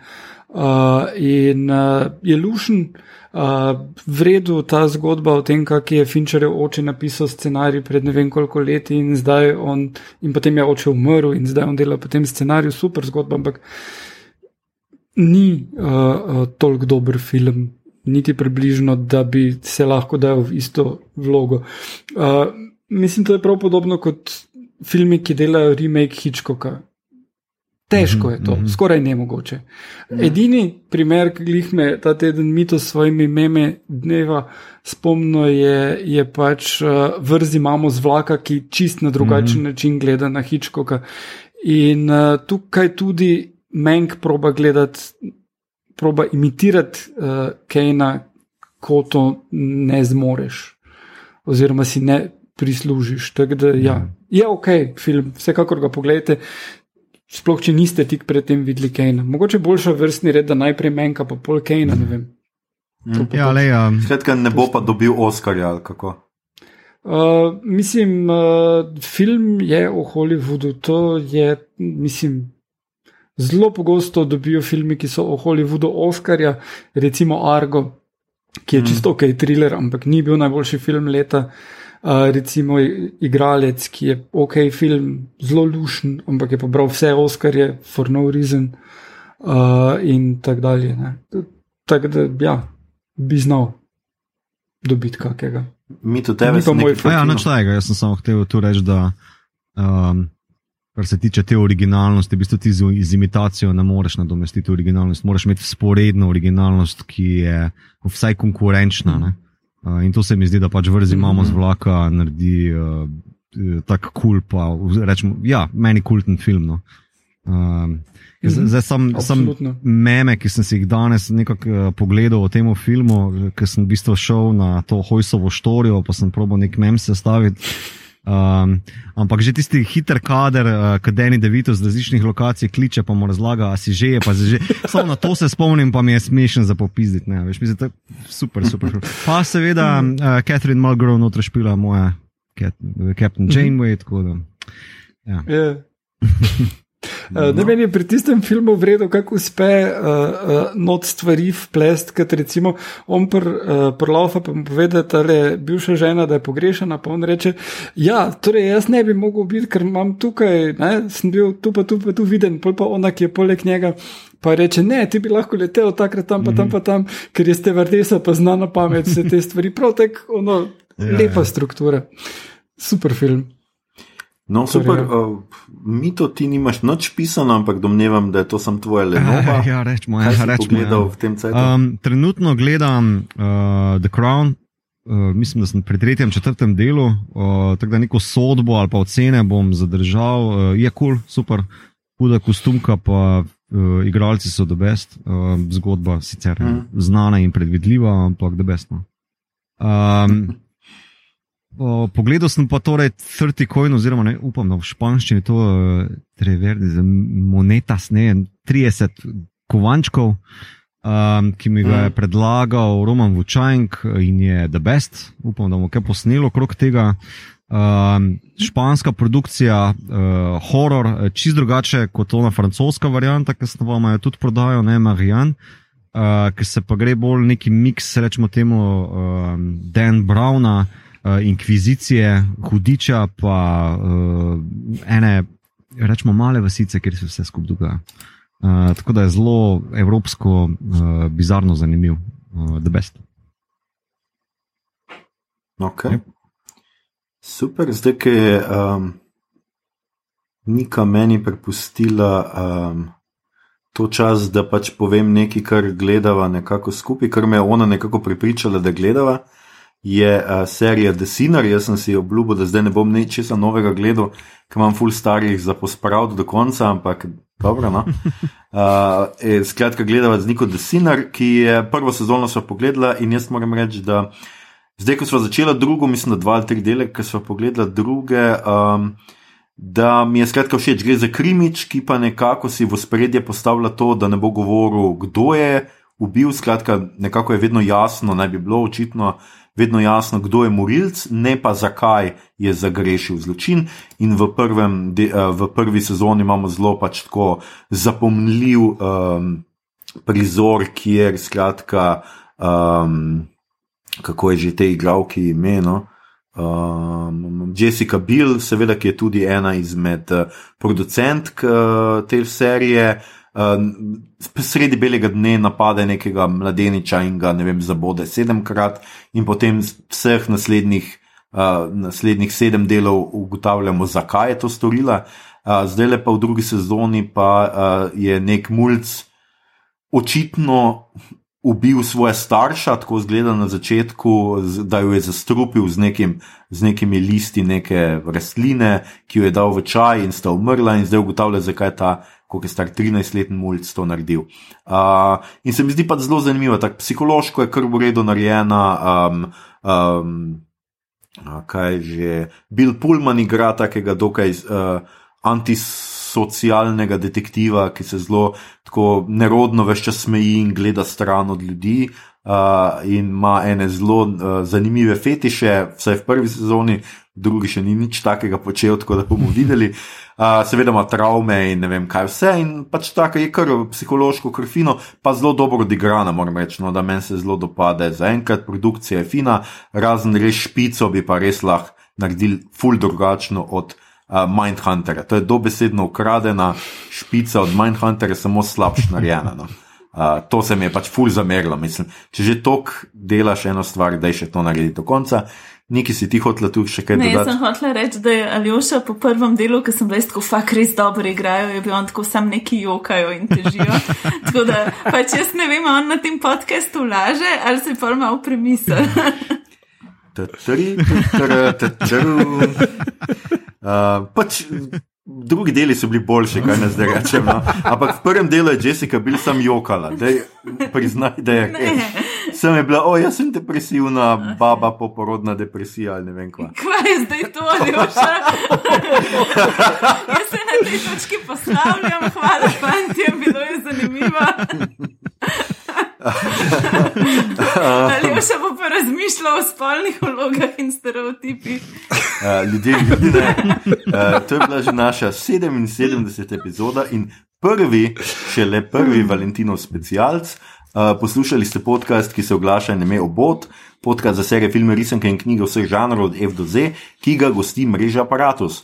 Z vami smo bili, Nika, jaz sem res plitka, kovač, uh, mito, post, ljubezen, uh, Gigič, uh, Igor, družil sem se z dušbegi, harp in, uh, in Aljoša, pretenciozen zločinec, Haglamov. Uh, tole epizodo smo posneli preko spleta z naših domov.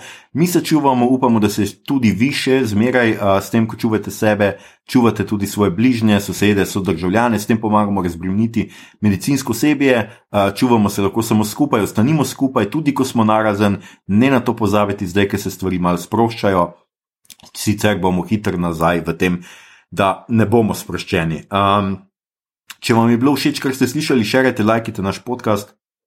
Naročite se nam preko vašega najljubšega appa oziroma ponudnika podkastov, dajte nam kakšno ceno na Apple Podcasts, spremljajte platformo aparatov z odličnim izborom podkastov za vsakega in če boste v naslednjih dneh ugotovili, da vas spravljamo v smeh, da vas razumemo tako kot nihče drug, da smo vedno z vami, ko nas potrebujete, da se lahko na nas zares zanesete, da vas naši glasovi prijetno spavajo, ko ste utrujeni in vznemirijo, ko ste sami in navihani, ni treba delati scen, ni treba stati na dežju, ni nas treba iskati na letališču, nam predvajati glasbe pod oknom. Vredu je, vemo, da nas ljubite in mislim, da veste, da tudi mi vas. Man. Uh, na Twitterju nas najdete kot podcast obot, na Facebooku in Instagramu smo podcast skujem, obot brez pikic. Tja delimo rajcere, prikolice in druge zanimivosti in tja lahko smerite vprašanja, pripombe, komentarje, ljubezenske pesmi, predloge, kaj bi za vas pogledali naslednjič. To je bila že 77. epizoda, prvi Valentinov special, naslednjič pa pogledamo, kaj se je dogajalo v zadnji sezoni ene naših najljubših serij, namreč The Expanse oziroma Prostranstvo. Znova bomo imeli tudi gosta, kaj več o njem naslednjič. Uh, 78. epizoda bo predvidoma na sporedu že ta torek, se pravi, že čez nekaj dni. Ne boste nas dolgo pogrešali, mi se vas kot vedno zelo veselimo, do takrat pa obodovke in obodovci, ostanite zdravi in ljubljeni.